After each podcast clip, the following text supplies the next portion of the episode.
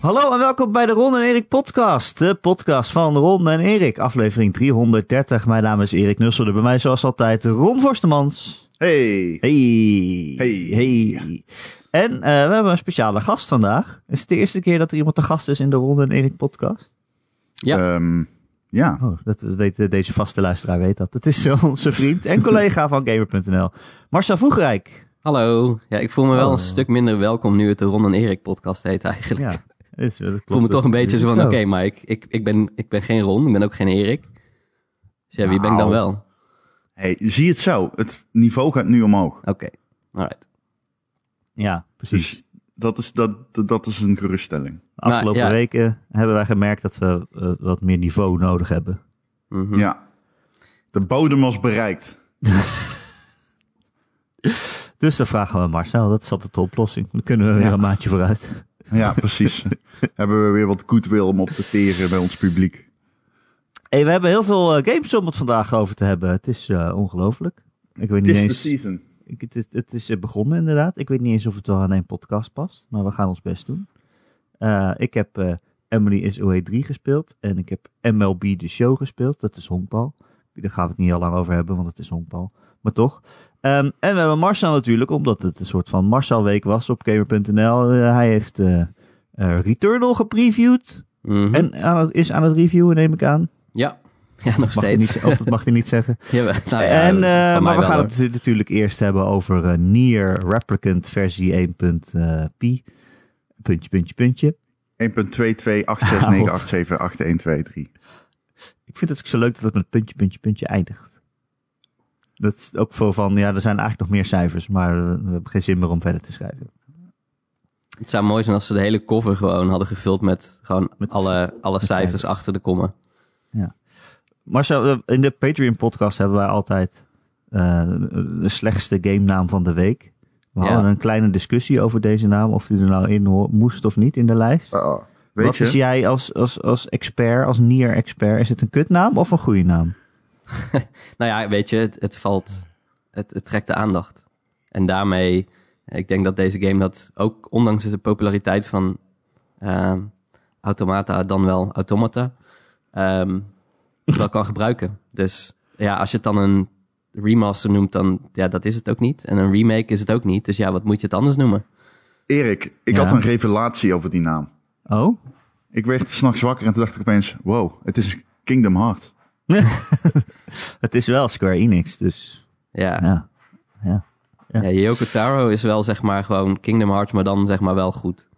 Kingdom Hearts voor volwassenen. zeg Ja, ik. eigenlijk wel, ja. Ja, Kingdom terwijl je Hearts. Kingdom Hearts ook niet aan kinderen kan geven, want die Nee. het niet. Voor, Dus iemand, ja. voor iemand die snapt dat emoties meer zijn dan... hey, je hebt een hart en hey, je hebt geen hart. Maar nu heb jij, nu je geen hart hebt, dan moet je een hart Ho, ho, ho, stelen. Oh, sorry, Ja, drie harten. Ik weet Oh niet ja, oké, sorry. Drie Hey, harten. jij vergeet al die ritsen op de jas van Mickey. Ja. Het Afrit zijn ook emoties. Het is de kracht van vriendschap, jongens. Het zijn, heel, het zijn wel heel veel lagen. Dat daar Ja. heb je gelijk in. En over eh, vriendschap gesproken. We bedanken de vrienden van de show natuurlijk weer deze week. Eh we danken wel aan Christian, aan De Wokkel, aan Dozen Faces, aan Gojira, eh Grekio met de Y, eh Marky Mark natuurlijk, Sven, The Killing Bean en Tijn en zijn vrouw. Allemaal eh, bedankt. Eh, wil je ons ook eh, steunen en vriend van de show worden, dan kan dat via Patreon, patreon.com slash Ron en Erik. En als je dat doet voor een klein bedrag in de maand, dan zijn wij eh, heel blij. En Ja. krijg je ook nog een gratis podcast in de week. Ja, Zijn Dus, jullie eh, inmiddels niet op een leeftijd dat jullie genoeg vrienden hebben? nee. Oké. Alright. Mijn vriendenkring kring blijft uit eh dijen. Oké. Ik ben, ook heel veel, eh, ik ben ook heel veel vrienden verloren. Omdat ze Dit- mij niet meer aardig vinden. nou, dit wordt opeens, dit krijgt de andere Ja, dit wordt heel real, ja. Ehm, Laten we het hebben over games. Want daar zijn we toch allemaal voor. Eh, ik wou graag beginnen bij Nier eigenlijk. Bij Nier Replicant versie 1.22 afgerond. Marcel, jij bent, eh, de vaste luisteraar zal het weten, de Nier liefhebber. Mhm. Ehm, ja, waar moeten we beginnen? Wat is Nier Replicant? Het is een oude game. Maar toch ook weer niet.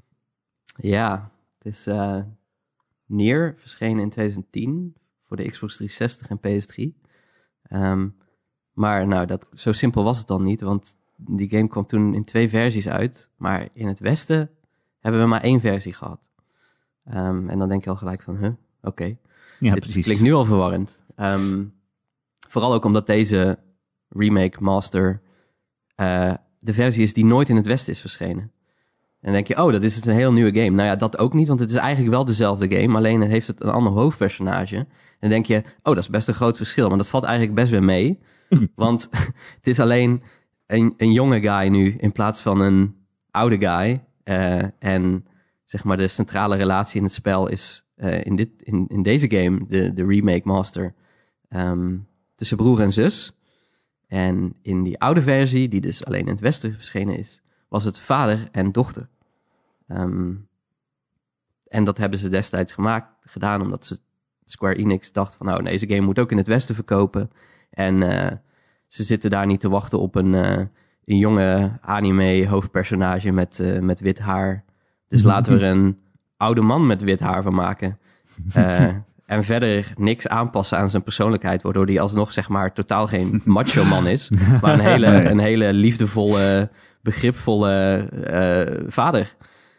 Dus daarmee eigenlijk een soort van juist stereotyperen, stereotypes brekend. Ehm, maar goed. In Japan verscheen toen Nier Replicant. Eh, de versie dus wel met die jonge guy als hoofdpersoon. En die versie, die hebben ze dus nu geupgraded naar... Nou ja, Ja. de moderne consoles. Ja, we zitten nu inmiddels weer op de PS5 en Xbox Series X. ja, zo dus moet het. ze, lopen eigenlijk, ja, ze lopen eigenlijk weer achter. Want hij is dus alleen op de PS4 en eh, PC en Xbox One verschenen. Wat ergens wel mooi is of zo, of ironisch, I don't know. Want toen Nier op de PS3 uitkwam, was het eigenlijk ook gewoon een PS2-game. Dus ze lopen gewoon, wa- waar ze hem ook op uitbrengen, ze lopen gewoon altijd een generatie achter. Mooi. Ehm, ja, eh, de meeste mensen zullen ons hebben horen praten over Nier Automata inderdaad. Die kwam drie jaar geleden of zo uit. 2017 was Ja. het volgens mij. Klopt, ja. Ehm, en voor heel veel mensen was dat ook de eerste Nier. Voor mij ook. Voor Ron ook volgens mij. En wij werden er allebei super verliefd op. En het is een van mijn favoriete games van de generatie geworden. En dan eh, eh, heb je een Marcel in de podcast en die zegt... Ja, maar ik was in 2010 speelde ik ook al de eerste Nier. En dat was toen eigenlijk ook al een worsteling, maar ook weer niet. Het was, het, het was briljant. Het was net zo briljant eigenlijk. En nu komt dan de oude game, komt dan nu weer nieuw uit. Is het, als je bij Nier Automata bent begonnen, is Nier Replicant dan ja, de moeite waard? Nou ja, die, die vraag kan ik niet beantwoorden. Dus dat, eh, het dat moeten jullie doen. Ja. Ron, hoeveel heb jij hem al gespeeld? Ik zit, ik heb hem vrijdag en zaterdag, eh, want ik had, een, eh, ik had wat vrije dagen. Vrijwel, het enige dat ik heb gedaan is die game gespeeld. Eh, en ik heb de Mortal Kombat film gekeken overigens. Oh, ja, daar kunnen we het ook nog over hebben. Ja. Oh nee, niet. ik, heb- weet niet, eh, ik, dat ik, ik heb echt zitten zeggen- juichen gewoon. Zo- ik heb ook zitten, Ja. dat is precies wat ik wilde zeggen. Ik heb zitten juichen op mijn bank gewoon. Echt met twee, gewoon, Ik, als een ode aan Willy van Ik der Kuilen rip. ik had hem Met ook de echt... hakken ehm, tegen de, de reet aan en twee vuisten in de lucht springen. Ja. schitterend. Ik had hem over mijn headphones. En dus ik kon hem gewoon ook lekker hard zetten. En dat hielp ook gewoon voor de ervaring. Dat ik echt dacht van, hey, holy shit, gewoon die gevechten, die kwamen ook dus zit een recht gevecht in mijn in? oren. Er zit een gevecht in en aan het einde van het gevecht zegt degene die wint, flawless victory. ja. ja, het is echt, het is echt precies, echt zo, ja! precies de goede hoeveelheid dom. Want die woorden die passen eigenlijk helemaal niet in het... Ja, de, ja, dat past er eigenlijk helemaal niet in. Maar alsnog denk je, hé, hey, dat komt uit de game. Dit is tof, dit wil ik. Ja. Nou goed. Nou goed, Ja, ik, eh, Nier. gaan, we, gaan we het nog over hebben. Neer, ehm, ik heb eh, de gro- het overgrote eh merendeel van mijn dagen besteed daaraan. Ehm, ik ben halverwege zo. Nou ja, dat weet ik dus niet helemaal. Ik heb in ieder geval de eerste helft gehad, Marcel. Ja, oké. eh, Ja, ja, ja. En shit is about to get wild, zeg maar. Het is Mhm. nu, merk ik, dat de eerste 12 uur, nou misschien minder, is het 10, 9? Ehm, die zijn heel traag. Ja. Kijk, dus wat ik als nieuweling hier vooral over van het is, ik vind het heel moeilijk om deze game aan mensen aan te raden. Op basis van wat ik tot nu toe gespeeld heb. Het is, ehm, eh, het is eh, zeer verouderd, maar niet als je Nier Automata gewend bent. En dat is meer het ding. Ehm, ik zou het wel moeilijk vinden om dit aan iemand aan te raden die geen ervaring heeft met Automata. Denk ik. Ja, Ik denk, als ik tegen mensen zou zeggen, welke, als iemand aan me vraagt welke moet ik eerst spelen, zou ik waarschijnlijk zeggen Automata. ja, ja, ik ook wel. En, en als je dan denkt van holy shit, dit, dit, dit is zo bijzonder, ik wil hier meer van. Dan heb je inmiddels dus zeg maar wel die doorzetting, dat doorzettingsvermogen om door de minpunten van deze game heen te kijken. Maar eh, ja, en wel toevoegen seriële... Ja, is, je moet het ook zien als Automata was natuurlijk al de tweede game in de serie. Eh, en die kwam naar eigenlijk eh, die hele rare game die gewoon niet, geen commercieel succes wist te behalen. Eh, en dat kun je zien in Automata, omdat ze daar beseffen van, hé hey, wacht, misschien moeten wij die toffe dingen die wij doen met dat wisselen van genre en ja. misschien moeten we dat, zeg maar, mo- misschien moeten we de game daarmee beginnen. Dat mensen denken, oh, dit, dit is leuk, dit is nieuw, dus dit is innovatief. In plaats van dat we daarmee wachten tot, zeg maar, ja, 12 uur in de game. Eh, en de Nee, eerste, de het- eerste Nier was meer zo'n soort van, eh, die game deed zich voor als een typische Japanse RPG, waarin je gewoon rustig sidequests doet voor mensen. En het kabbelt een beetje voort. En dat was, zeg maar, onderdeel van de, de, de impact van, van die game later, als, het, als de, inderdaad de shit eh, is about to go down, die is des te groter daardoor, omdat je dus eigenlijk een soort van een beetje in slaap ge, eh, gewiegd bent. Oh, ja, Ehm, ja dat, dat, dat, dat begrijp ik. en- ik. Als ik daar aan kan haken. ja, tuurlijk. Wat, wat ik dan... Want wat ik dan... eh, ik vind wel de, de minpunten van deze game zijn wel echt reële minpunten. Ja, absoluut. En dat is zeg maar het verschil met Au- Automata een beetje. Die had ook minpunten. Alleen die is meer gefocust. En dit spel is... eh, of die weet beter zijn eigen kwaliteiten uit te buiten. En dat doet dit spel inderdaad nog niet. Ehm, Ja, het, het, is, het is het verschil, denk ik, tussen eh Nier Automata is eigenlijk een, een platinum action, action game met gewoon, zeg maar, Yoko Taro's RPG en rare shit eromheen. En Nier is echt een RPG met wat, met wat meer actie. Maar daardoor, ja, dat, dat, het repetitieve wat zeg maar in Automata gewoon niet zo heel erg opvalt. Omdat het gewoon, ja, het is gewoon een modernere game. En het is soepel en, en je, je kunt er ook zo doorheen rammen, zeg maar. En hier is het allemaal, ja, je moet een deur openen en dat gaat traag. En dan krijg je een laadscherm. En dan, dan moet je een item oprapen en dan loopt hij daar heel langzaam naartoe. En, dat is gewoon, Ja. dat, ja, als je dat nu speelt, dan, dan raak je ongeduldig van. Want we zijn gewoon beter gewend inmiddels. je, raakt, je raakt er kriegelig van ook. Want ik had bijvoorbeeld een bosbattle waarin ik bommen moest gooien in de mond van de bos. Ja, En die, de- dan probeer je die bom op te pakken, maar dan lokt die zeg maar niet. Dan ja, druk je op B om op te pakken, maar dat doet hij dan niet. Terwijl er laserstralen op je af worden geschoten. Dat is een zeer... De nervositeit komt dan echt de kop opsteken als je dat aan het spelen bent. Dan word je echt een beetje, ja, wat ik zeg, eh, kriegelig van. mhm. En, ehm, maar wat ik ook nog in het verlengde van wat jij zegt wil zeggen, zoals, zoals ik het nu ervaar, komend van eh, auto, Automata, eh, die ik heb gespeeld in 2017 en daarna, of volgens mij was het 18, maar in het begin van 18, maar daarna niet meer heb, ehm, niet meer heb aangeraakt eerlijk gezegd. Alleen nog af en toe om het aan vrienden te laten zien. Inderdaad, dat coole begin. Ehm, ik, ik, dit voelt wel heel erg als die game in stijl, in muziek, in graphics, in hoe de, hoe de, hoe de, de sfeer is ook, hoe, hoe leeg alles is. Het voelt heel erg alsof je door een kijkdoos kijkt altijd in die game. ja. Ja, kun je je voorstellen hoe frustrerend het af en toe geweest is voor mij? Ja, ik ben heel zielig. Eh, om zeg maar dit verhaal aan te horen van mensen, terwijl ik denk, ja, maar dit, dit, was, dit was de originele Nier ook al. Als in, alles zat er al in. Als ik denk van, ja, automatisch zo goed, dan denk ik, ja, oké, maar Nier, maar, maar, maar waar waren jullie zeg maar zeven jaar geleden dan? Want, want dit was toen ook al. Dus Ja. dat ik dacht van, oké, nu, is- nu, nu zeggen jullie ineens allemaal tegen mij van, oh, dit is zo fantastisch. Dan denk ik, ja, klopt. Dat Echt wat weet voor jou, Marcel. Ja. Ah, ik, dat, dat klopt. Alleen het is ook weer zo, ik eh, had die game zeven jaar geleden gar- garant weggelegd. man. Ja, is ook zo. Ik, eh, het is echt wel, je moet echt weten wat, wat de beloning is. Het is, het is een slow burn deze, zeg maar. Ehm, zeer slow. en zeer en slow. dat, is, dat is het grote voordeel van Automata. Is die begint gewoon gelijk met van... Oh, eh, vijf genres door elkaar. Wat is dit? Dit heb ik nog nooit gespeeld. Ik ben intrigued. Ik wil verder spelen. En dan daarna komt de slow burn pas. Ehm, Ja. Dat hebben ze gewoon bij deze game gewoon niet goed gedaan eigenlijk. En waardoor die dus inderdaad gewoon volledig onder de radar is gebleven de eerste, de eerste jaren. Eh, Maar wat ik van jou wil weten eigenlijk, hè. Dit is een remaster remake. mhm. Ehm, dit is een beetje vaag. Eh, ik, er hebben wat mensen van Platinum geholpen met de combat. Ja, Ehm, ik moet zeggen, ik vind de combat heel saai. mhm. Maar goed, dat vond ik in Au- Automata eigenlijk ook wel. Die was wel beter, maar ook geen reden voor mij om die games te spelen, zeg maar. nee. Persoonlijk. Ehm, maar Nee, maar wat, wat doet deze remaster remake nou echt anders dan het origineel, los van dat je dan een ander hoofdpersonage hebt?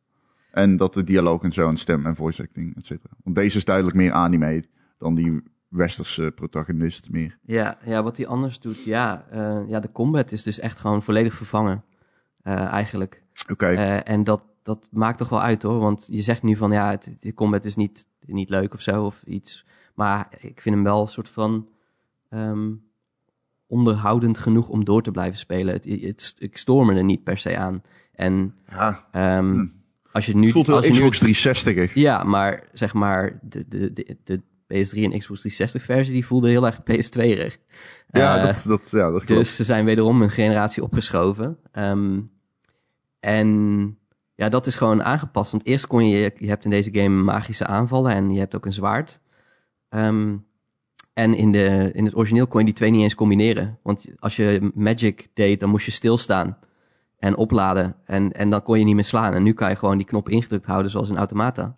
Eh, dus nu kun je zeg maar een Ah, beetje, die, flow van combat verandert helemaal. Ehm, je stond stil als je je boek gebruikte, dus waaruit je Ehm, schoot? Alleen, die boek niet, maar de rest wel, zeg maar. Alle andere magic attacks, zoals die speer die je kunt gooien of die vuist, Ja, dan moest je stilstaan. oké. Ehm, oh, jeetje. Oh, heftig. En ze hebben gewoon wat meer combo's toegevoegd. Dus het lijkt wat meer op Automata. Ehm, en dit klinkt nu een soort van heel erg van... oh, je, je wilt alleen maar positieve dingen zien aan die game. Maar ik vind het ergens ook wel goed dat de combat niet heel demanding is.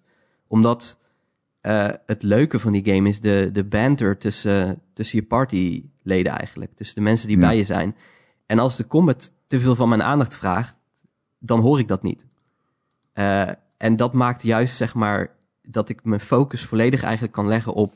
hey, deze mensen zijn nu met elkaar aan het vechten en onderling aan het praten. En dat kan ik nu, daar kan ik nu ook daadwerkelijk naar luisteren. Dus dat, dat, dat komt door, zeg maar. Ehm, Ja. Dus dat vind ik er een voordeel aan. Alleen, ja, de- deze game is, kan best lang duren, zeg maar. Zeker ook omdat het net als Automata is het, als je het uitspeelt, is het niet per se over.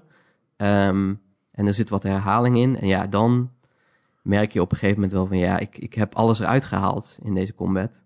Ehm, maar dan kan je dus de autocombat aanzetten. Dat heb ik Hm. ook gewoon gedaan voor de review. En na op een gegeven moment een playthrough dat ik dacht van ja, oké, ik, ik, ehm, ja, ik ga nu gewoon even letten op de game. Gewoon kijken wat de game Ja. doet. Hoe ziet het eruit? Nou, dat is eigenlijk best wel prettig dat je ook daar eens gewoon je volledige aandacht op kan richten. En dan, als je hem op easy zet, dan komt er dus een auto battle modus eh, beschikbaar. Eh, en het leuke daaraan is dat hij eigenlijk, ehm, ja, als je zelf speelt, ben je toch gewoon geneigd om, je hebt een bepaalde strategie gevonden die werkt, nou, die herhaal je. Want waarom zou je hem aanpassen? Ehm, want je, maar bij die autocombat, die, die cycelt echt gewoon door alle magische attacks heen. Dus het wordt veel Hm. spectaculairder eigenlijk. Dus het ziet er inderdaad echt gewoon een beetje uit als een anime van... Want die, je hebt echt van iets van tien verschillende magische aanvallen. En die is hij gewoon af aan het wisselen. En terwijl zelf, ja, zelf moet je ze dan steeds selecteren. Ehm, en dan denk je, ja, wie gaat dat doen tussendoor? Tenzij ik echt een, ja, een vijand in de lucht zweeft, dan denk ik, ja, dan heb ik een speer nodig. Want dan moet ik een long range wapen hebben of zo. Ehm, dat doe je gewoon zelf niet zo. Dus dat vond ik ook wel een interessante eh, ontwikkeling. Dat ik dacht van, oh, dit is eigenlijk ook wel een leuke manier om deze game gewoon te beleven. En dat is ook nieuw dus. Ja, ja dat is wederom, eh, komt dat eigenlijk uit Automata, want daar had je ook die optie. We hebben eigenlijk nou best wel veel soort van minpunten behandeld. Zonder het zo te bedoelen misschien. Mhm. Ik bedoel, hij- het is best wel een slome game. Of je moet 12 uur spelen voordat je bij het echt goede komt. En de combat Ja. is niet super interessant. Maar, Maar, d- dat is het gewoon. Wat is nou... Kan je, ja, is het zonder spoiler mogelijk om te zeggen wat er dan zo goed aan is? Nou, ja, kijk. Automata was zeg maar een game die... De, de, de, de stakes daar waren heel hoog. Zeg maar van, oké, een, een, oorlog tussen androids en robots en de, mensheid die wil de aarde weer terugveroveren. En eh, nou, dat was gewoon een, een, ja, een groot toneel, zeg maar. Van oké, dit is heel belangrijk. Deze game is eigenlijk veel intiemer. Dit gaat over een, een broer die zijn zieke zusje wil redden.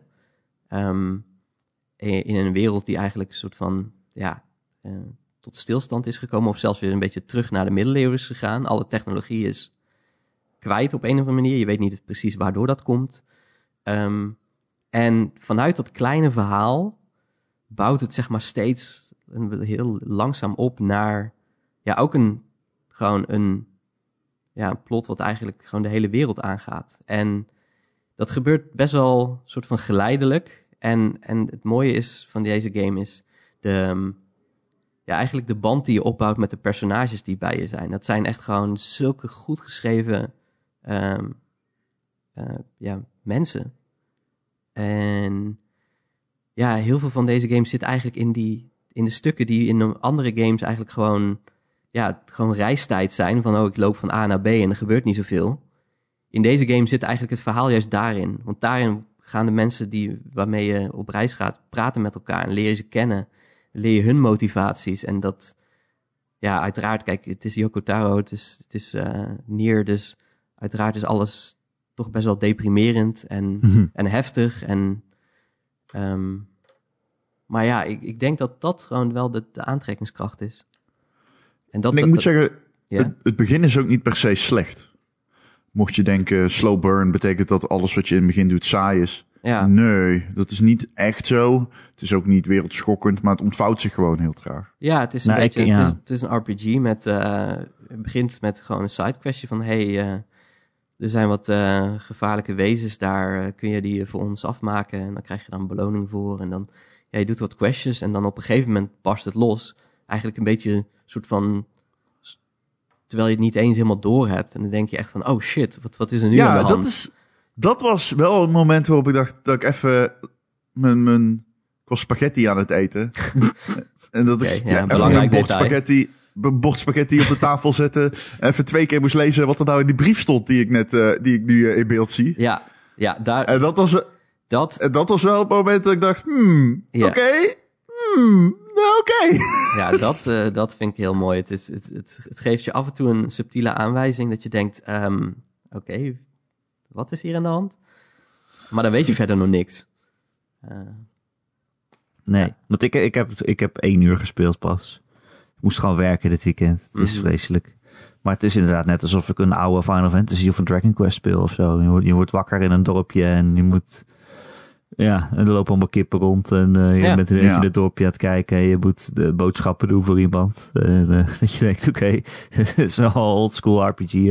Het is dat ik weet dat het Nier is, want anders dacht ik... eh, ja, maar ook die, ook die opbouw is zeg maar, hoe, hoe saai die ook kan zijn, want het zijn echt ordinaire fetch quests en echt gewoon beschamend bijna. Dat je echt ergens naartoe loopt en dan, je moet een item voor iemand halen. Je hebt dat item gekocht in een andere stad, je loopt terug en die vrouw zegt, oh ja, ik herinner me nu, ik heb ook nog dit nodig. Dat je denkt, ja, rot op, gewoon, ik ben er net geweest, dan moet ik weer terug.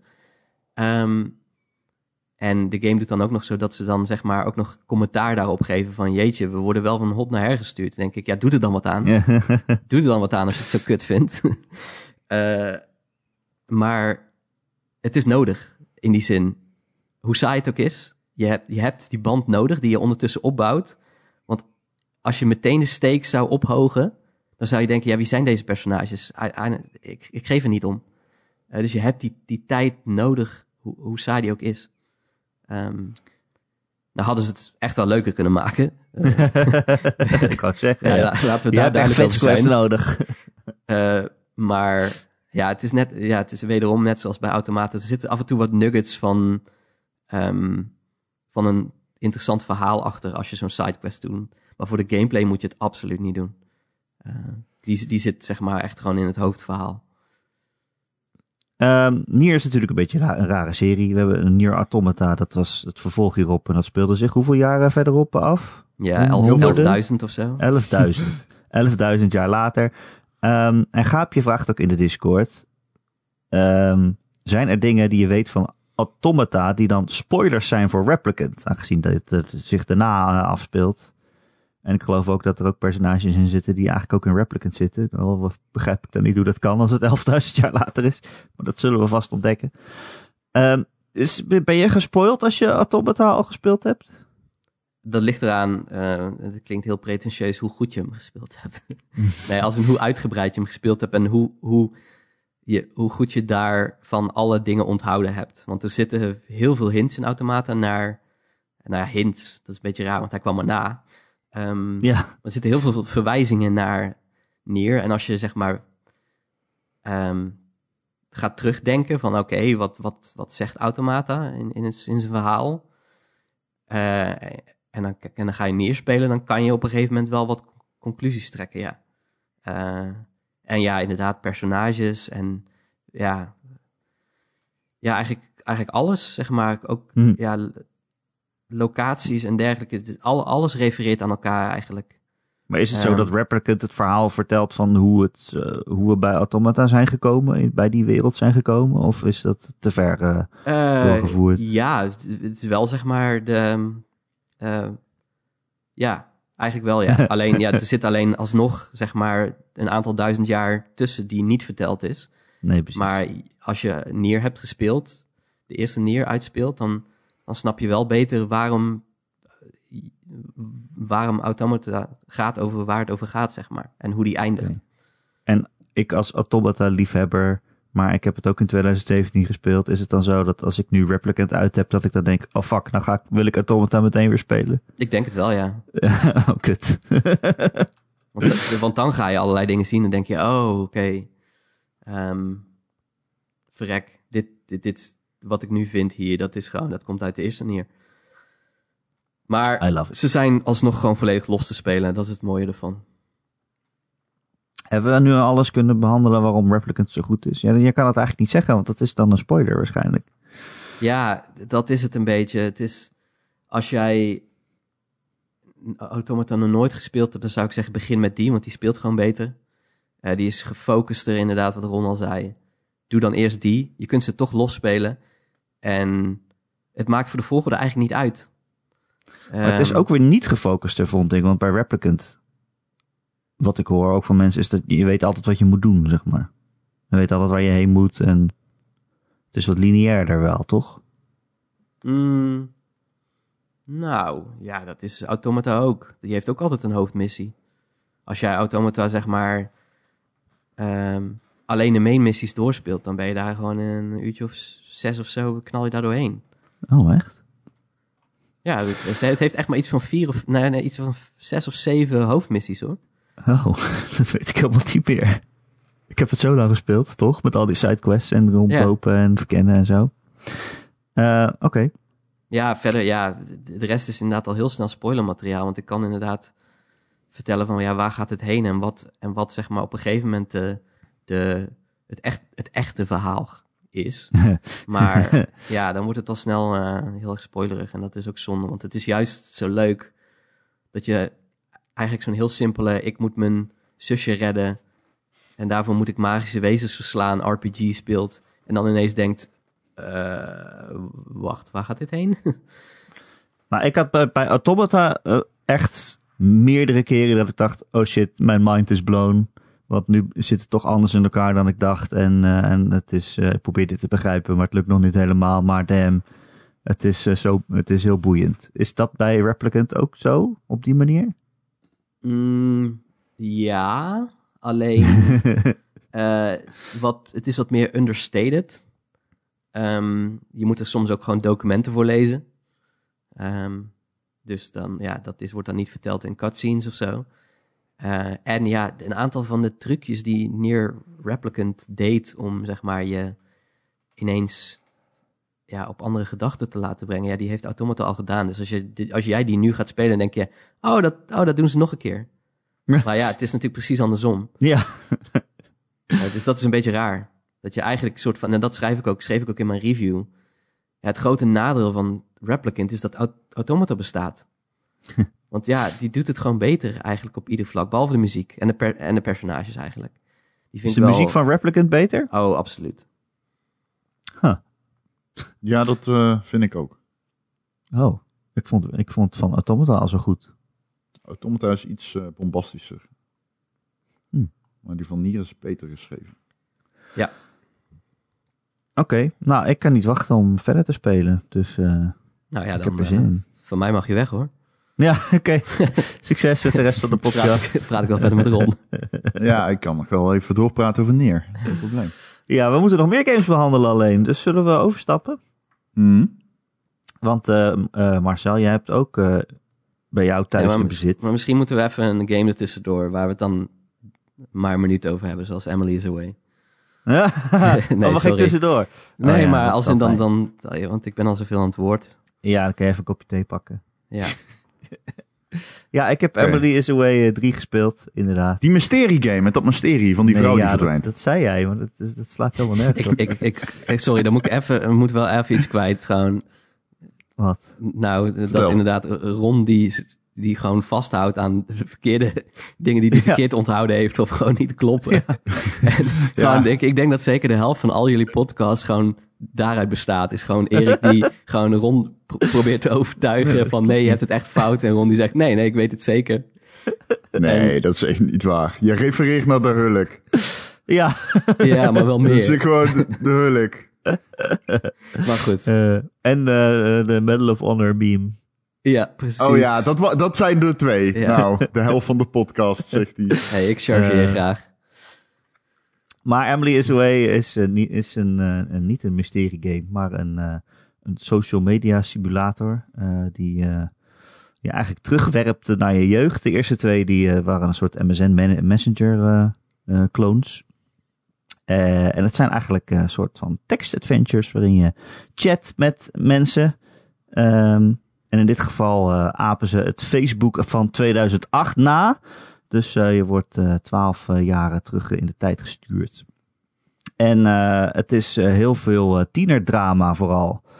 Dus eh, je bent eh, in je laatste jaar van eh, high school. Dus dan ben je een jaar of 17 of zo. En eh, eh, het begint met eh, dat je een Facebookpagina aanmaakt. En dan heb je meteen een vriend die eh, eh, verschijnt in een van de chatvensters. En die gaat je dan helpen om je profiel aan te maken. Een beetje foto's neerzetten en zo. En van wat voor status update doe ik dan. En ja, ik ben echt heel erg fan van die serie. Want het is zo extreem goed in je terugwerpen naar al je onzekerheden uit je tienerjaren. Van dat je met iemand aan het, dat je met iemand aan het chatten bent. Dat je voor je pc zat te wachten tot iemand online kwam. Weet je wel, op MSN. Dat was dan in mijn geval waar ik mee opgroeide. Maar, maar dit eh, werkt precies hetzelfde. Dat je zo zit te wachten tot iemand online komt en met je gaat chatten. En dan denkt van, oh shit, wat moet ik tegen dit meisje zeggen? Ik vind het heel leuk, maar wat, wat moet ik typen? Eh, Moet je ook echt typen? ja, nee, de, de- iemand begint tegen je te chatten en die vraagt iets. En je kan uit drie opties kiezen. Ah, oké. En dan kies je bijvoorbeeld om terug te zeggen eh, hallo. Eh, maar dan moet je wel echt op je toetsen rammen. En dan verschijnt de tekst in beeld. Is deze Eh, game ook op de Switch? Nee, het is echt een PC-game. Oh, hm. Ja, want het, het ja, dat hoort er ook heel erg bij dat het, dat het een Windows eh, simuleert. Dus eh, dat je ook echt achter, achter je computer zit. Dat, daardoor werkt het ook wel extra goed. Eh, en het simuleert dus ook dat je moet typen. Daardoor is die game wat slomer. En, maar dat werkt ook juist weer heel goed. Want het brengt je echt terug naar dat gevoel van... Oké, wat gaat iemand terugzetten, zeggen? En dan zie je ook in beeld staan van... Emily is typing, weet je wel. En dan denk je, oh, waarom duurt het zo lang? Wat is ze allemaal aan het typen? En soms zie je dan ook een beeld van Emily is deleting. Zo van, oh shit, ze heeft iets getypt en dat neemt ze nu toch weer terug. En dan Nee, zo werkt het. krijg, je, krijg je ineens een heel kort antwoord, weet je wel. Ja, het was niet echt een MSN-clone, die eerste twee games. Het was een AOL, eh, hoe heette dat? AOL Messenger. Ja, dat was in Europa dan niet echt heel groot, maar Nee, het was eh, vergelijkbaar. waar was niet groot? nee. Ehm, Oké, maar is het leuk? ah, het is zo leuk. Of ja, Maar leuk. is het leuk of is het, is- emotioneel? Eh, ja, ik, voor mij was het, is het echt heel emotioneel en deprimerend. En ik weet niet of dat nou per se door mij echt komt, omdat ik zo ontzettend veel teenage angst had toen ik tiener was. Ja, oké. En het eigenlijk Ja. ook nooit is overgegaan. Het is volgens mij Waar naadloos, was je bang voor dan? Sociaal? het is naadloos overgegaan in een imposter syndroom. Dus weet, misschien ligt het toch heel erg aan de oppervlakte voor mij. Maar als ik zo aan het chatten ben met, met, met klasgenoten, tussen aanhalingstekens, want het is niet echt natuurlijk. En, Waar- en je- ja, je, dat verhaal ontvouwt zich en je bouwt een relatie op, weet je wel. En je denkt, oh, alles gaat goed. En dan gaat het toch niet goed. En dan denk je, ja, komt het omdat ik iets kuts heb gekozen? Of komt het omdat die game gewoon kut is? En, maar, en je maar bent... waarom wil je geconfronteerd worden Ja. met je tiener, tiener Ik weet het niet. Ik vind, het, is, het is daar zo goed in. En ik heb ook echt nog dagen Oké. rondgelopen met dat gevoel van... Oh, ik ben echt niks waard.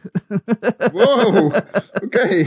Alright. Ik voel me, Nee, ineens, oké. ik voel me ineens heel schuldig dat ik pas echt gewoon een dag niet heb gereageerd op je WhatsApp bericht. ja, dat zo is het dus. Maar weet je... Sorry, ja, ik zal voortaan eh snel reageren. dat heeft zoveel veranderd dat je je telefoon en je chatopties altijd in je broekzak hebt. Want vroeger moest Ja. je dus gewoon achter je pc gaan zitten en wachten of iemand online kwam of niet. Ja, ik, ik Eh. heb wel eens... ehm, toen was ik met ehm, iemand aan het MSN'en en toen, toen moest ik even weg. En toen kwam ik terug en toen kreeg ik, zeg maar, zag ik echt tien berichten. En dat begon met, hey, Ja. hey, je bent er niet. Ja. Oh, waarom reageer je niet op mij? Oh, je vindt me kut, hè? Ja, Van ja, je dat- haat me. Nee, ik haat jou ook. Ik wil je nooit meer zien. Ik wil je echt gewoon... eh, Wat een eikel ben je. Dat ik dacht, eh, ik, sorry, maar... Hallo, het was eh, boodschappen doen. volgens- ja, volgens mij was er een soort van noodgeval hier of zo. Dus, maar oeps. Ja, zeg maar die Zo. onzekerheid die zich dan opbouwt. Zeg maar totdat je echt denkt van, oké, ik stuur iets van... Oké, ik ben bang dat, dat diegene me nu haat. Dus als ik nu een berichtje stuur dat wat gewoon wat casual is... Dan, en dan, dan is de kans groter dat die persoon dan wel reageert. En dan weet ik van, oh, dan haat hij me niet. Dan, als ze maar gewoon reageren, zeg maar, dan praat ik er wel overheen om, om maar een reactie uit te lokken. Ja, dat heb ik ook nu ook nog steeds. Dus ik snap je heel goed. ja, Heel vermoeiend Ja. is dat. maar ja. Ik eh, startte volgens mij 100% van de gesprekken op MSN met hey, hoe is ie? Ja, Ja, nou ja, kijk, jij, jij bent een geval apart. Jij stuurt mij gewoon uit het niets een voice message van anderhalve minuut. Over neer. waarom reageer je niet? Ik bel altijd. Ik ben nog rader dan dat. Ik bel het liefste. Ik Ja. heb niet zo graag. Ja, nee, Het liefst snap bel ik wel. Dan heb je gewoon, dan heb je, weet je, dan heb je de directe reactie van iemand. Dat is zo Ja. belangrijk. Dan weet je meteen hoe iemand, wat de toon is van, van de reactie. Dus dan heb je ook Ja, die en- onzekerheden heb je dan niet, want je hoort het. En die shit is real. Als je iemand belt, is gewoon real. dan weet je meteen, oh shit is going down. maar het is ehm, eh, gevaarlijk, want tegenwoordig zijn heel veel boel mensen opgegroeid met appen. En die vinden het gewoon kut als je belt. Mhm. Ja, Ja, ik durf het niet meer bellen. Uit, uit het niets helemaal niet. Maar stel, stel voor te stellen van zal ik bellen, dan denk ik, hoe, hoe durf je? Dan heb je het de hele gore, dag naartoe te gore lef om te vragen of ik met jou wil bellen. Terwijl het is best, ja, bellen is best oké. Ja, eigenlijk wel. Het is ook zo voorbij. Net als Emily is away. Oh, het is zo goed. En dan zit je dus ook gewoon die Facebookpagina's van je klasgenoten te lezen, weet je wel. En dan hebben mensen van die cryptische status-updates en met, met, met lyrics van liedjes. En zo, van dat je denkt, oh, betekent dit dat ze verliefd is op iemand? En zo, ja, is dat dan op mij? Of is het... pieces. Ja, echt dat. Zo is het, ja.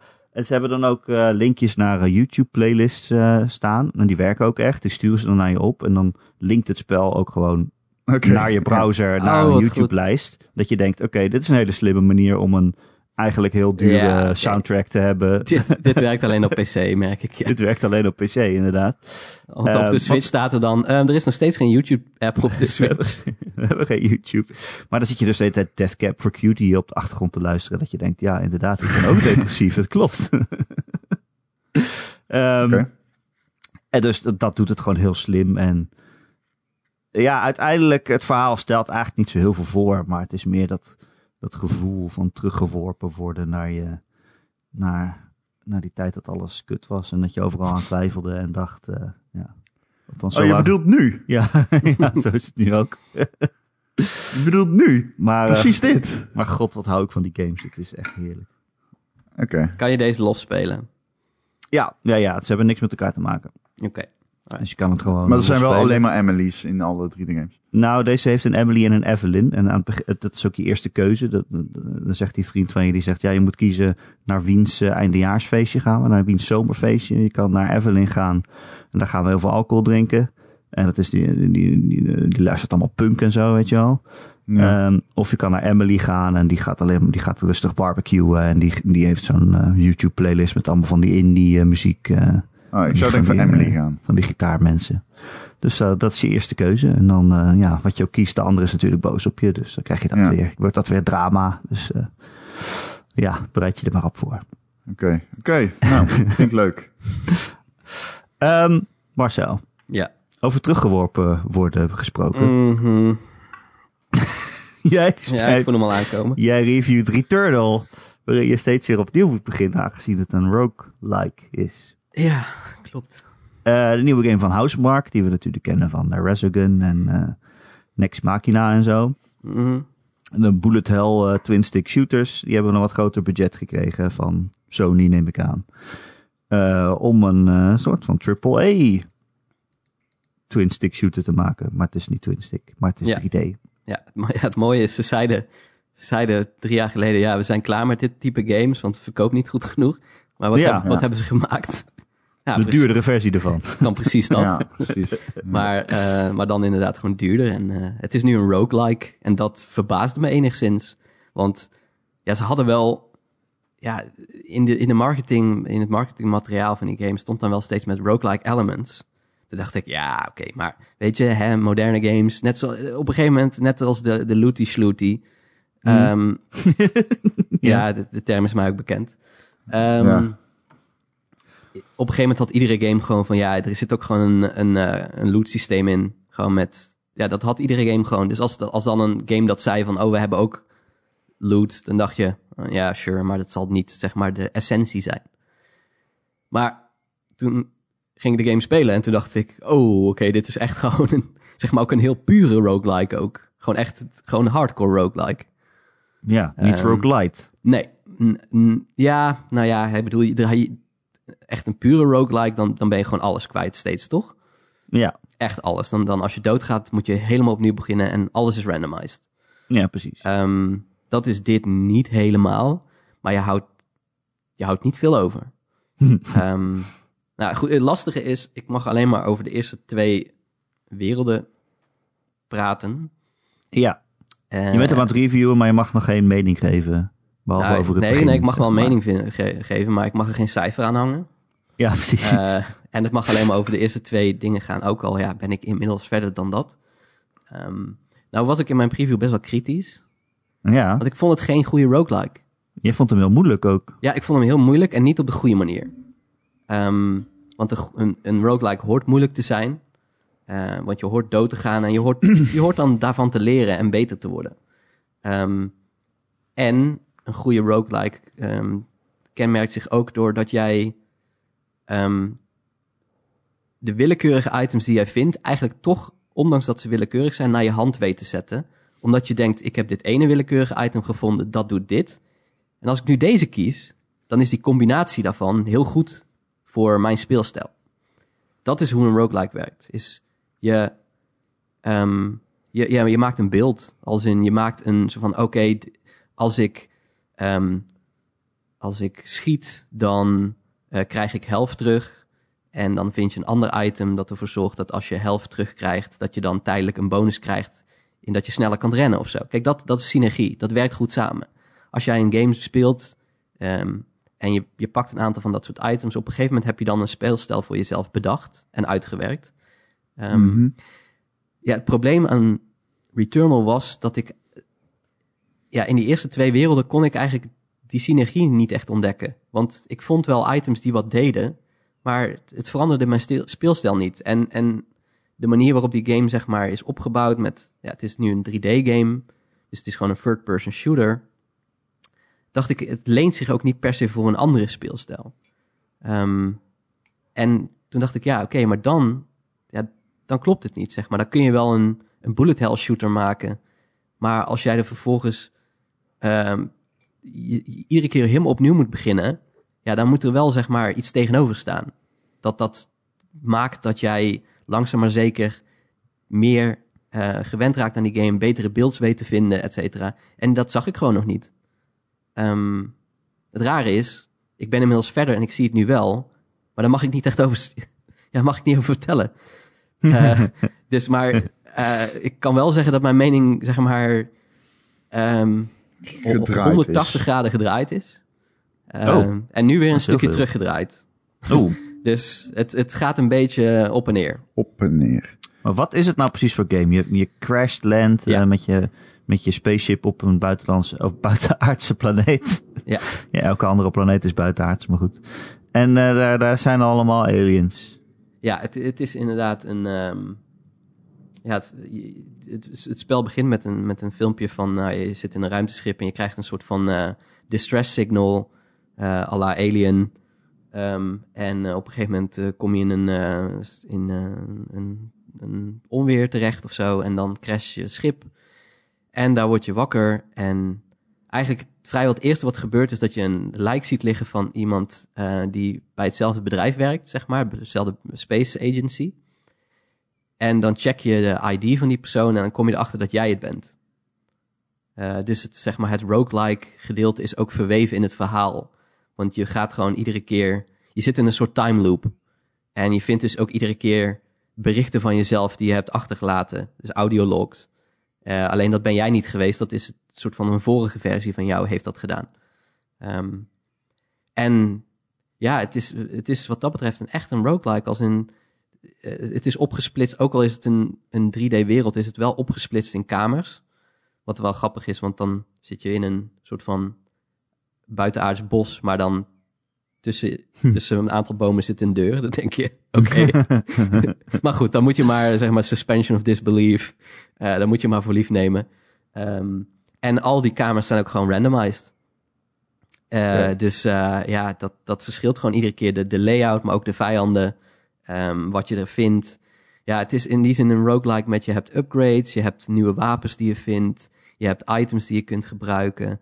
Eh, shortcuts op een gegeven moment unlock je ook. Je unlockt extra abilities als een soort van een beetje Metroidvania. Dat je op een gegeven moment krijg je een melee weapon. En daarmee kan je dan bepaalde dingen kapot maken. Waardoor je dus een andere kant op kan.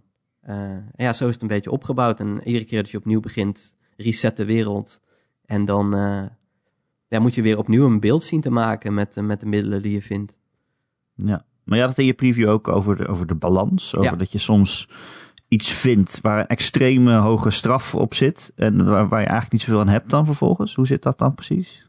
Ja, er zijn dus wat, eh, wat items met eh, zeg maar een voordeel en een nadeel. En het voordeel is bijvoorbeeld van hey, ehm, je, ehm, Je mag denken, 30 hoor. seconden extra iets krijgen. Of Ja, je, krijgt 30 seconden lang ehm, komen de, de eh, als je vijanden verslaat, dan droppen ze zeg maar geld. En dat komt dan, dat moet je oprapen. Dus je moet eigenlijk altijd in beweging blijven in die game, want anders kan je dat niet verzamelen. Ehm, en dan heb je een item, dat vind je dan, en dan krijg je 30 seconden lang komen die dingen gewoon automatisch naar jou toe vliegen of zo. Ehm, maar het minpunt is dan bijvoorbeeld, je health is gehalveerd. En denk je, oeh, Niet 30 seconden. Nee, en dat, dat, dat is gewoon überhaupt zo. En dat kan je dan, dat minpunt of dat, die straf, die kan je dan weer oplossen door bepaalde handelingen uit te voeren. Zoals eh, maak vijf containers open. Of ehm, je hebt ook parasieten in die game, dat, die geven dan ook een voordeel en een nadeel. Ehm, en die moet je dan op je, op je ruimtepak installeren, soort van. Dat is Holy allemaal heel creepy. Ehm, alleen ja, als je pech hebt, dan loop je daar zo gewoon een uur mee rond. Ehm, want sommige van die eh, requirements zijn gewoon dat je denkt van ja, dat ga ik niet zomaar redden. Eh, en dan kan het echt gewoon, ja, je kan echt je beeld gewoon heel makkelijk verneuken. En dat vond ik heel, heftig, vooral ook omdat ik de voordelen van, van die dingen, van die items nog niet echt zag. Maar goed, inmiddels, inmiddels snap ik het, zeg maar. Het, het had gewoon wat tijd nodig, zeg maar. Je moet wat langer spelen. En dan begint het roguelike element wat, wat, wat nadrukkelijker te worden. Ehm, maar goed, daar mag ik dus niks over zeggen. Nee, maar ik las wel uit jouw preview ook wel enige frustratie van... Absoluut. Ik ben al heel vaak opnieuw begonnen en ik maak geen voortgang of zo. Ja, ik, ik voelde wel alsof ik zeg maar tegen een muur aan het beuken was op een gegeven moment. Want zeg maar, wat een, wat een Hades zo goed maakt, is die game, die gaf iedere keer dat je doodgaat, had je toch het idee van, ja, maar ik, ik, ik heb wel weer iets unlocked, zeg maar, of ik, ik, ik kan weer iets meer. Dus ik, ik ja, het verhaal ging verder. Ja, ook dat. En ik heb vertrouwen erin dat ik nu waarschijnlijk wel een stukje verder ko- ga komen. En ik had in deze game, zeg maar, het eerste paar uur ging het allemaal prima. Toen dacht ik, nou, dit is gewoon... Ik vind het niet een heel nadrukkelijke roguelike, maar het is wel gewoon echt een... Ja, het, is, het, het speelt fantastisch.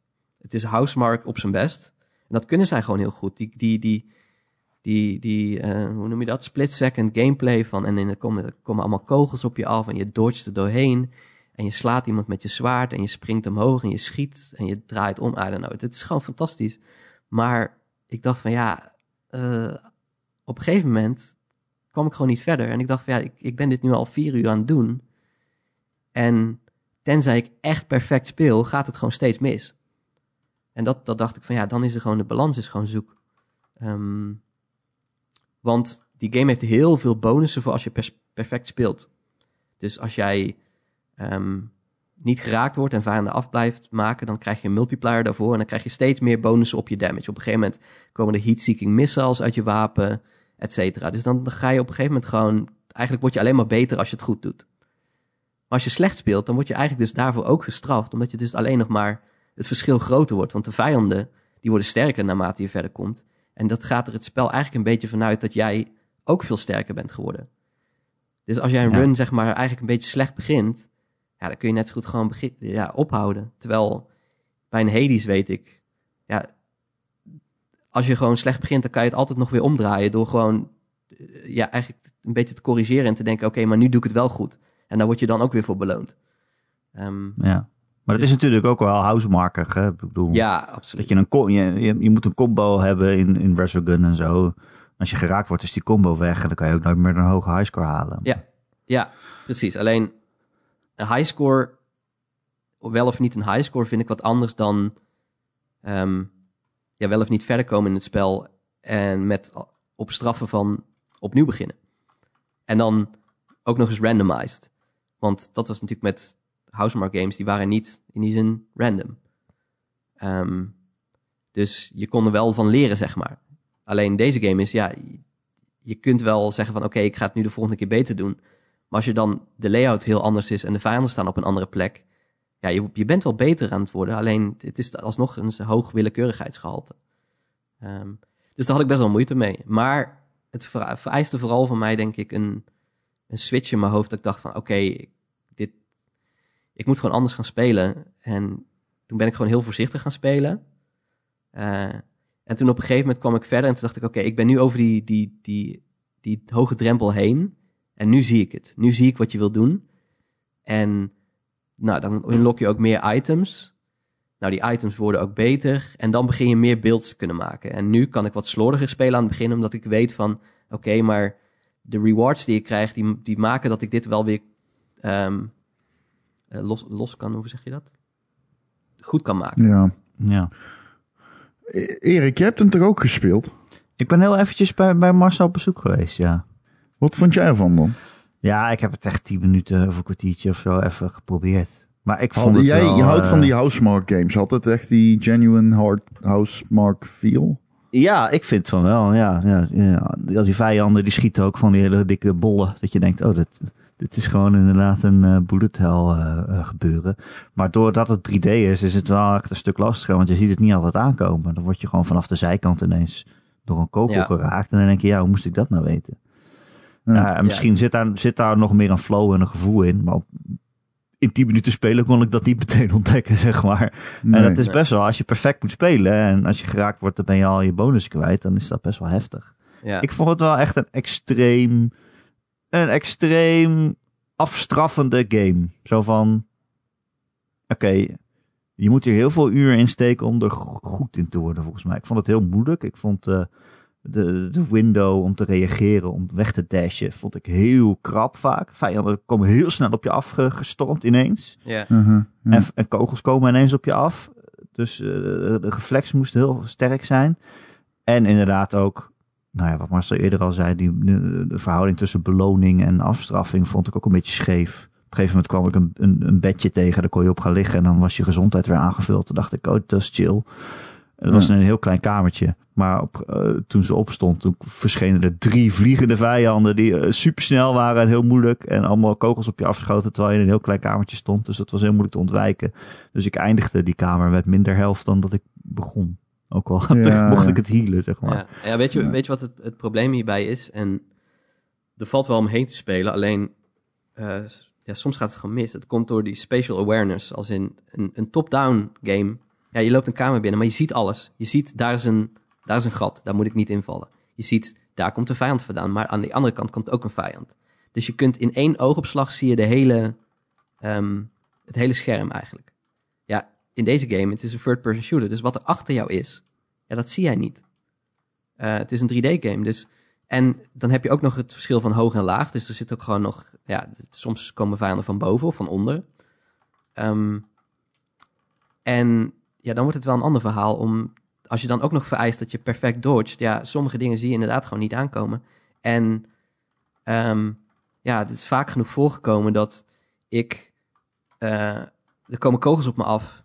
Ik dash opzij, maar daar is een, een gat. En dat zie ik niet, want dat zit niet in mijn, mijn eh, field of view. Ik val daarin.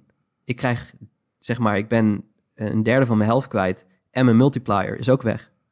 En dan denk ik, ja, had ik dit nu moeten weten? Want je loopt een kamer binnen en meteen beginnen vijanden op je te schieten. En ja, die kamer is randomized, dus je hebt niet, zeg maar, een idee van, oh, dit is een kamer waar daar vuilkuilen zitten. Terwijl in een, in een, ja, in een Hades, ja, als jij in die, in die tweede wereld van Hades heb je allerlei van die, van die lava pits. Maar die zie je gewoon. Dus daar, hoef je niet over na te denken. En, en dan denk ik, ja, dit vind ik best wel oneerlijk eigenlijk. Want dit is gewoon niet, dit, dit is gewoon, ik had dit niet kunnen weten. Ehm, en dat vind ik best wel jammer, want ja, die game is gewoon pittig. En ja, ik, er zijn wel een, een aantal runs die ik gewoon, ja, die zijn gewoon mislukt door gewoon zoiets. Dat ik denk van ja, is dit nou fair? Ik ben nu gewoon twee uur voortgang kwijt. Omdat er gewoon Ja. ergens een gat is wat ik niet kon zien. Denk ik, ja, eh, I don't know. Maar ja, anderzijds, het is wel qua, wat het qua verhaal ook doet. Het is wel, het is wel echt sick hoor. Gewoon dat ik denk van, holy shit, ze hebben wel, het is wel echt ehm, gedurfd wat ze hiermee met deze game doen, met dit experiment. Gewoon zo'n triple A, maar dan wel roguelike en ook bullet hell shooter. Want waar vind je dat nou? Nee, Ehm, niet. Da- dat, dat is niet. het. En het is Nee. een PS5 exclusive. En dat merk je ook heel erg. Want het is, ja, je bent op een buitenaardse planeet, maar het is echt, het is echt smerig daar. Als in allerlei tentakels die bewegen, al- overal waar je overheen loopt, dat, dat maakt ook gewoon gore geluiden die dan uit je controle komen ook.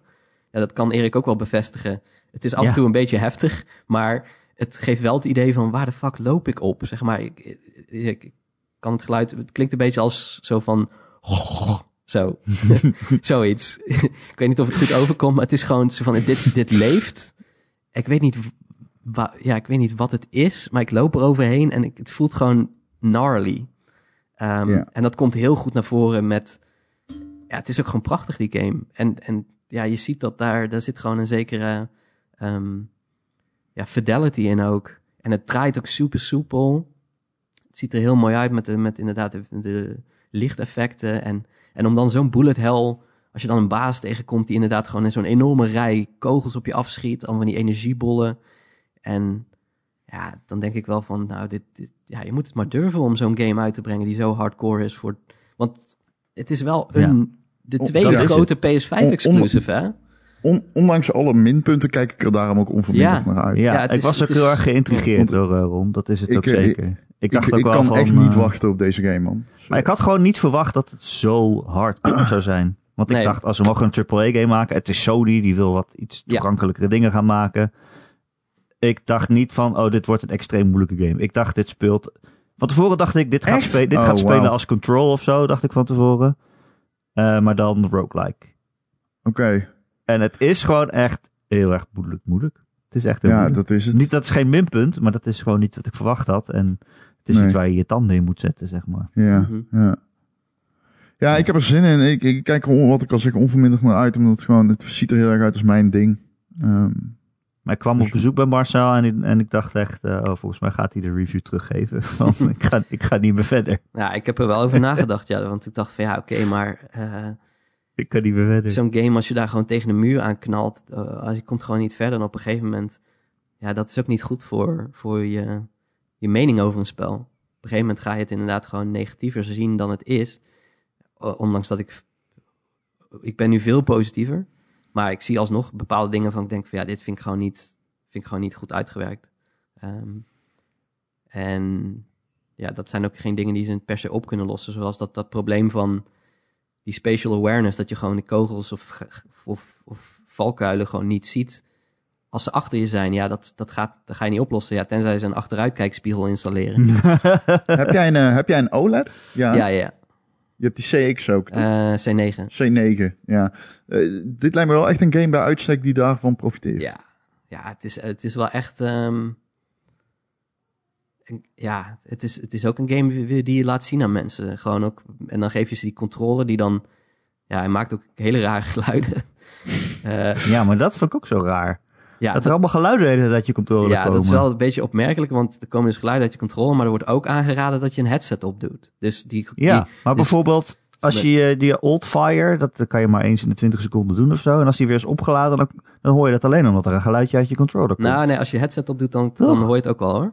Oh, oké. Ja, dan converteert hij dat natuurlijk. Ja, alleen het is wel een beetje raar, want ik was het, dat, dat dus aan het spelen en ik heb mijn headset op. Dus ja, en de enige die van die geluiden uit die controller kon meegenieten was mijn vriendin.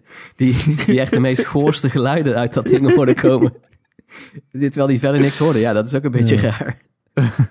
Je kan dat vast wel uitzetten, maar ja. Ja, klopt ja, maar... Moet je dat zelf weer doen. Ja, het is wel raar. Maar ja. Maar het helpt wel. als je goor, gewoon, zeg maar, je hebt, je hebt zeg maar een, een ehm, voor sommige upgrades, dan moet je inderdaad gewoon een parasiet op je lijf zetten. Die, die, die, die zet dan gewoon zijn, zijn ja, tentakels in je. Ehm, en bij sommige apparaten moet je echt gewoon je hand insteken. En dan komt er dus ook zo'n raar beest dat dan je hand pakt. Ja, in een normale game ja, hoor je misschien een geluidseffect. Maar bij deze game, oh, oh ja, dat, je voelt het ook gewoon bijna. Dat je gewoon denkt van, "Ugh, gewoon, wat ben ik aan het doen? Ja, dat- Half-Life Alex doet op dat vlak ook zijn best. Oh, uh, die baby's in die, in die health pods. Die Ja, je dus- plat, die je plat gedrukt. Eerst doen ze zo, koe, koe, ik ben een baby, boe, boe, boe. En dan stop je ze in zijn machine en dan drukt hij ze helemaal plat. Zo. Ah. Super lullig. Nou ja. Eh, ja, ik heb er ook nog Ja. steeds zin in hoor, Ron. Het is gewoon iets heel Ja. anders dan wat ik dacht. Dat Het is alleen, Ja, het- weet, je- weet je wat ik jammer vind? En dat is, kijk, Hades had een accessibility option. Dat als jij dat aanzette, dat was de God mode. ehm, dat iedere keer als je dood ging, dan kreeg je 2% minder damage. En dan dat, dat stakte gewoon. Totdat je op een gegeven moment, ja, hoe vaak je dood ging, op een gegeven moment had je gewoon 50% minder damage. Of zelfs 70 of 80, misschien zelfs wel 100. Ehm, dus dat kon je aanzetten van, oké, maar als je gewoon niet tegen zo'n muur wil beuken, maar wel wilt zien waar het verhaal heen gaat. Ja, ik zeg dan ja, geef die kans dan, zeg maar. En dat, dat is deze game, is dat ja, tegenovergestelde daarvan. En Ja, dat is het Nou ja, het is natuurlijk het principe van, van Housemark. ja. Ehm, alleen, Nou ja, het is wel een grote heeft ook een easy mode. het is een grote eh, Sony game. Een groot PlayStation game. En, en dat voelt dan een beetje apart. Dat ik denk van... Maar is hmm, Bloodborne toch ook? ja, klopt. Alleen, ja, kijk, Bloodborne vind ik het in die zin... Die game, vijanden staan steeds op dezelfde plek daar. Dus dat, dat, dat kan je zeg maar... ehm, Ja, kan- je kan ja, grinden. Bloodborne is ook extreem absoluut. ontoegankelijk Nee, maar hey, bedoel, ja, En- ik, en- ik ben ook voor een, eh, een eh, moeilijkheidsgraad in Bloodborne. Dus, oh ja, oké. Nee, ik dus niet. Nee, oké. dan zitten we daar al op eh ander vlak. maar goed, ik, Nee. het is als jij, als je denkt van naar roguelike, als het je genre is, hè, Ja. ja, dan, het, ik, ik heb wel echt een paar, eh, waar, ik, ja, waar ik nu ben, denk ik wel echt van, holy shit, dit, eh, dit is wel echt ex, ex- extreem vet hoor. Ja. Ja, oké. ja, ik heb er, ja, ik heb er heel veel zin in. Ik, ehm, ik heb er echt heel veel zin Waar in. ik blij om ben, want ik zei van tevoren, zei ik de hele tijd, let op, don't, don't sleep on this. Gewoon, dit wordt echt goed. Toen, toen, en toen had ik dat tegen allerlei mensen gezegd. En toen begon ik te spelen. Dacht ik, oh jee, Oh nee, hij fucked up. maar ik kan het niet meer zomaar aan iedereen aanraden, denk nee, ik. nee, dat niet. Maar alsnog, Ron, wat ben jij aan het spelen? Ehm, ja, ik speel dus echt gewoon alleen neer op dit moment. Nee, je speelt Ehm. ook nog iets anders. Eh, It Takes Two? Ja, ben je al bij de olifant? Nee, nog niet. ik ook nog niet. Nee, ik eh, vind die game echt super, super goed. Ja, hij is heel leuk.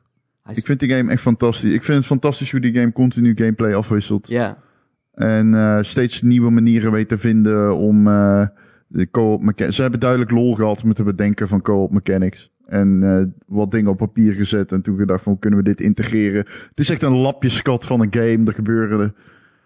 Ja, bijvoorbeeld op een gegeven moment. Ja, er komen gewoon zoveel. Ik, vind- ik vind hem oprecht. De opzet van die game vind ik heel erg leuk. Aan het begin was ik best wel bang dat ik hem een beetje kut zou vinden. Maar ik vind de opzet verhalend en dergelijke kan ik best wel waarderen.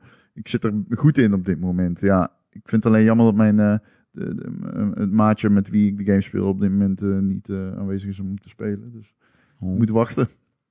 Maar ja, heel, heel, heel leuk gedaan. Ik doelde eigenlijk op Final Fantasy 7 Remake die jij aan het spelen was. Zei jij althans tegen Die mij. ben ik ook aan het spelen, maar daar ben ik mee gestopt na neer. Oh. Omdat dat ga ik niet door elkaar heen spelen. dat, is too eh, much. Dat is niet aan te raden, nee. Eh, ja, die ben ik ook aan het spelen. Het- werd tijd. Eh, ik had hem al gedownload. Dus ik had hem al op mijn PS5 staan. Ja, ik, ik, ik had hem zelf ook al. Het was niet zo dat ik eh, per se gebruik moest maken van die PlayStation Plus deal. Ehm, want hij zat bij Games with Gold. Of eh, ja, hoe noem je dat? Games voor PlayStation, PlayStation Plus. Plus. Ehm, ik, ehm, ik vind dat... eh, eh, eh, wat mij tegenvalt aan die game... is denk ik de graphics. Ik vond hem best wel lelijk. En ehm, ik snap dat het een PlayStation 4 game is. Maar zelfs dan vind ik... Ik hoor heel veel mensen die zeiden... Ja, het is een hele mooie game. Maar af en toe is die ook heel lelijk. Ja, en tot nu is toe het. is die gewoon de hele tijd lelijk. Hij is Dus heel ik, vreemd eh, lelijk en heel vreemd mooi. De personages zijn dan heel mooi, maar dan doen ze een deur open. Dan denk je, die deur is één pixel volgens mij. Ja, dat klopt. Er zitten heel veel... De density van. Clouds haar, bijvoorbeeld... is overduidelijk meer, heeft meer aandacht gehad... dan die van de omgeving. Maar Ja, eh, fair enough. Ik... ehm, Ik zie een skybox, eh, denk ik dan. ja, Kijk je over er een rand heen, nergens naar er beneden. dan één box. is een platgedrukte Google Maps zie je dan op de grond. Dat je denkt, Ze hebben echt gewoon, letterlijk, dit is geen grap, gewoon een paar puntjes gezet in een, op een zwart paintvlak Ja, van 40 bij 40 centimeter. Dat uitgerekt naar een skybox van enkele kilometers lang. En eh, dat, eh, dat eh, dient dan als skybox. Het is heel erg lelijk af en toe. Maar ik vind het eh, qua gameplay wel tof. Het verhaal is natuurlijk ja, dat van Final Fantasy 7. eh vooralsnog althans. Eh, wat rare flashbacks. Maar ja, ik zit er een paar uur in. En ik ga het wel. ik ben Ja. benieuwd waar het heen gaat. het is jammer dat Simon en ik het einde al voor je gespoild hebben dan. Of ben je dat ja, vergeten? dat klopt. Maar ja, fuck it. Nee, ik weet nog wel een beetje. Maar ja. Dus ja, ik overleef dat wel. Ik wist, ik was alweer vergeten dat ik deze aan spelen was. Dus thanks. Ja, ik, ik vraag al bij aan het spelen. Dan app je voor de podcast en dan app je mij altijd wat je aan het spelen bent. Dat was dit. Dat was Nier en Final Fantasy 7 Remake. Ja. Ik heb eh, MLB The Show gespeeld, jongens. Om even eh, al, van al die Japanse bullshit weg te komen. Ja, ja, ja. Merkel! Heb jij, Fuck eh, yeah. Eh, jij dat staat op eh, Game Pass. gespeeld. Oh, dus ik honkbal dacht, is ook in groot in Japan, toch? Oh ja, dat is waar, kut. Ja. Groot. Ja, en het is, er zit ook heel veel bullshit in. Met allemaal regels die ik nog steeds niet begrijp. Eh, het staat op Maar Game. Pass, dus ik dacht, ik probeer het weer eens. Ja. Honkbal. En ik vind het echt superleuk. Het is zo fijn. Ik hou gewoon van honkbal, jongens. Dat gevecht tussen de werper en de, en de slagman, de pitcher en de batter, vind ik zo boeiend. Weten jullie hoe honkbal werkt of niet? In dat, qua dat? Ja, Ja, je moet eh, eh, voelen. Like, Ja, je moet de bal een, dus eh, precies boven de slagplaat gooien. Ja. In een vierkantje. En dat mag niet te laag en niet te hoog. En dus, want je moet erop kunnen slaan. Maar als je toch slaat, terwijl die eigenlijk zeg maar de bal wijd was, dan telt het ook als een strike. Dus je moet, eh, als je dan de slagman bent, dan moet je heel goed kijken met je ogen zo ogen open houden. En dan moet je heel snel beslissen of je denkt dat die bal wijd gaat of niet. En ik vind dat echt heel boeiend. maar hoe heet die gozer ook weer die achter de slagman staat? Om te kijken of De, dat... de, of- cat- de catcher en daarna dan heb je de umpire. Dat is de, Nee, de umpire bedoel ik. Ja, dat is de dus de umpire die moet dan... Hij moet, we, hij moet zeg maar weten of in dat vlak die bal gegooid is. Ja, dat is echt heel Maar- moeilijk. Alleen dat is bijna onmogelijk, Ja. toch? Of zie ik dat Maar als je dit spel speelt, dan zie je zo'n vierkantje in de lucht hangen. En dat verdwijnt dan eh, vlak voordat die bal gegooid wordt. Maar in het echt is dat vierkantje natuurlijk Kan hij niet gewoon een zonnebril doen met gewoon zo'n vierkantje uitgesneden of zo? Ja, misschien Ja. wel. Maar ik heb in dit spel ook het gevoel dat hij soms gewoon foute calls maakt. Volgens mij is het echt zo. Hier, daar ga je al. Die, die bal, je soms al. denk ik, die bal raakt net de rand van het vierkantje. En dan, soms call hij hem dan uit, wijd en soms niet. Dat, Maar dat het- is gewoon echt zo. Dat hoort ook bij sport. Dat is wel zo realistisch, hoort toch? bij. Dat je Ja. boos bent op de, op de scheids. Ehm, Eh, ik maar- vond die game wel heel ontoegankelijk trouwens. eh. Ja, wou ik net zeggen. Kun je ermee uit de voeten? Want je bent toch niet echt Mr. Honkbal, volgens eh, Nou ja, ik heb het wel eens gevolgd. En ik heb wel eens een honkbalgame gereviewd ook. Oké. Eh, maar alsnog eh, ben ik het dan inmiddels weer vergeten.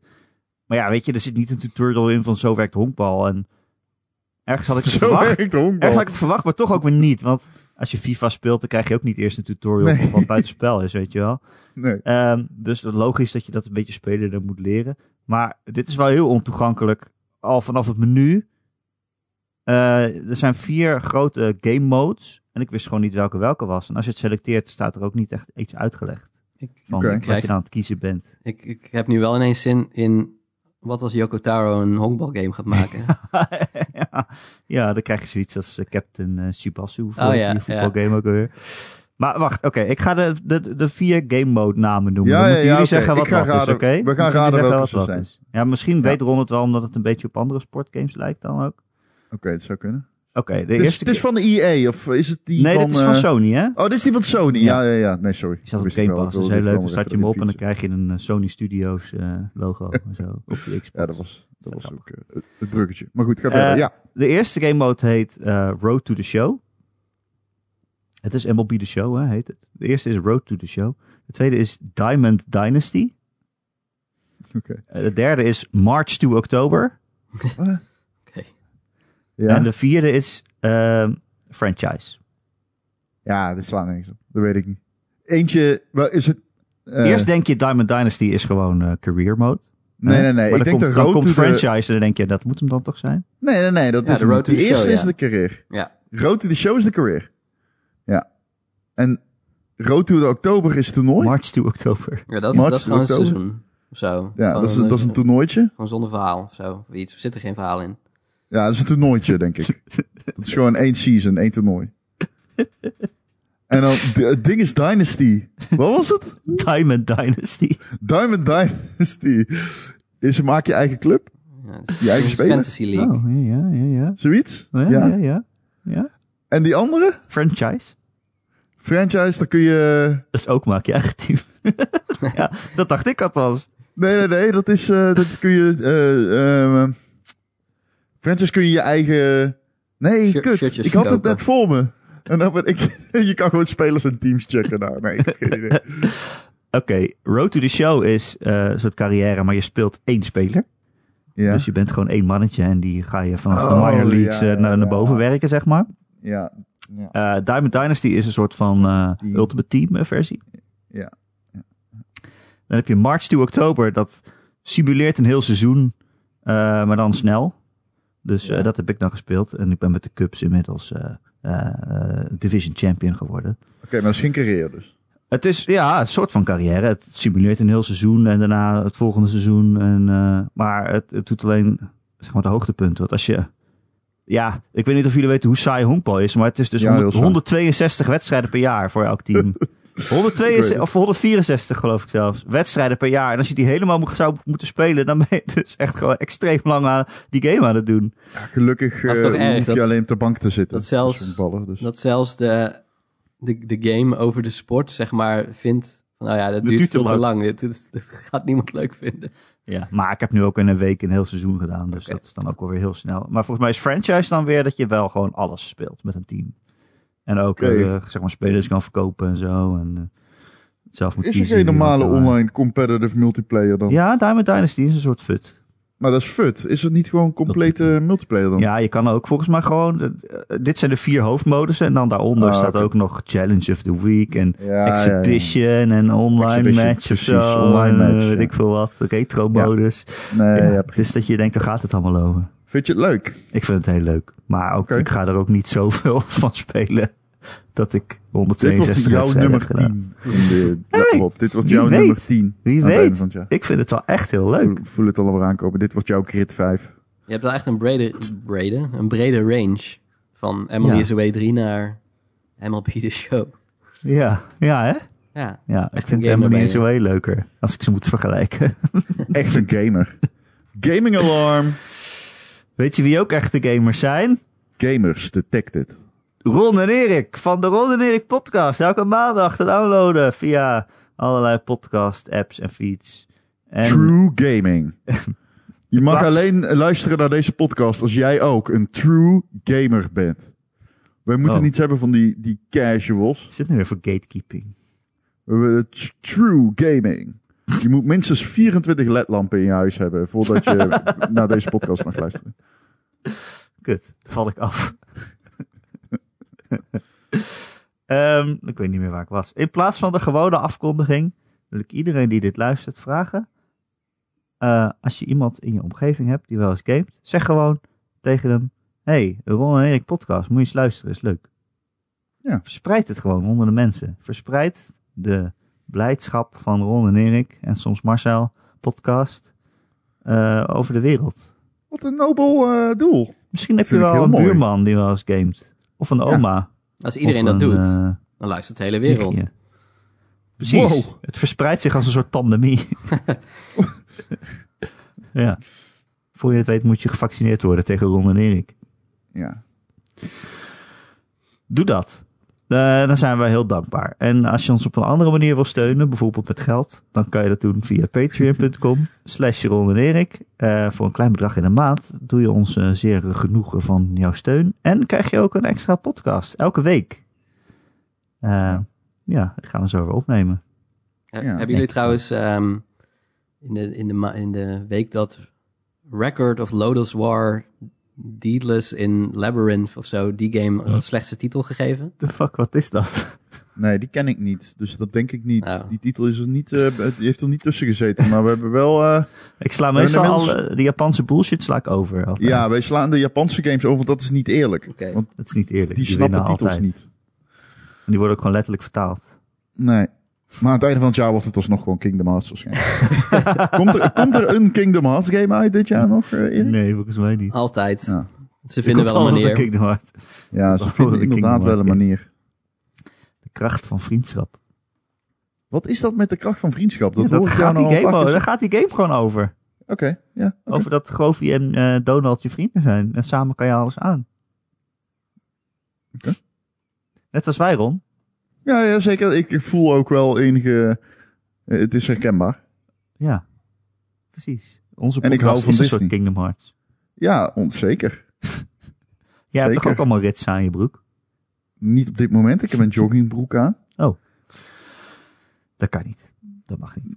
Oké. Marcel, dankjewel dat je te gast wilde zijn. Ja, graag gedaan. Om over al je games te praten. Ja, het was een drukke week voor mij. Daarna, Nou, daarna ja. ben ik wel even klaar ehm, Met met games. review, Wel een fijne week Tenzij, zo, kan ja, ik me misschien voorstellen. Biomutant. Ja, maar die... I don't know. Ik- ik Wat ben is er bang met dat die? die- Die ik ben komt bang dat gewoon die- uit ineens. I don't know. Als die tegenvalt, dan moet ik een open wereld game van 80 uur gaan reviewen. Daar heb ik niet zo'n zin in. Ja, Oh, welke is dat dan? kut. Ja, nee, de, de Biomutant, dat is open wereld, Als je je opgeeft voor de review en het blijkt een kut game. Ja, ja, dat is... Oh, op die, op die manier. Maar volgens mij duurt die, is, duurt die zo lang Ja, dan? ik wist niet dat dat... Ik, weet nog steeds een niet wat het nou voor redelijk game is. lineaire- Ik weet alleen dat je Ja, hem ik dacht voor dat het een redelijk lineaire game was. Nee, ik wist volgens ook mij niet is het open world. Oh, dat wist ik ook niet. Dat wist ik niet. Ja, ik heb- niemand heeft een goed beeld van wat de Nee. game is natuurlijk. Nee, ik heb sinds- nooit gespeeld op de sinds- E3, maar... Ja, sinds, sinds do I know? 2017 of zo eh, krijg je al allemaal trailers en dat je denkt, nee, dat Ja. komt echt een keer uit. En- Ik heb hem gespeeld, gast. ja. Wat Ik was heb het hem nooit game? gespeeld. Ja, dat weet ik echt niet. Het was zo'n normale actiegame Ja, volgens maar, mij. ja, maar toen... Daarna zijn ze nog, hebben ze er een open wereld van gemaakt, volgens mij. Daarom ja, die game zo is echt, die is zo vaak al, heeft hij op de operatietafel gelegen. Ik heb geen idee wat er weer nog van gesteerd. Ja. Oké. Dankjewel Ja. Marcel. Ja, doei. En dankjewel Ron. Nou, doei. Tot volgende week. Tot volgende week. Dag. Nu allemaal. Tot volgende week.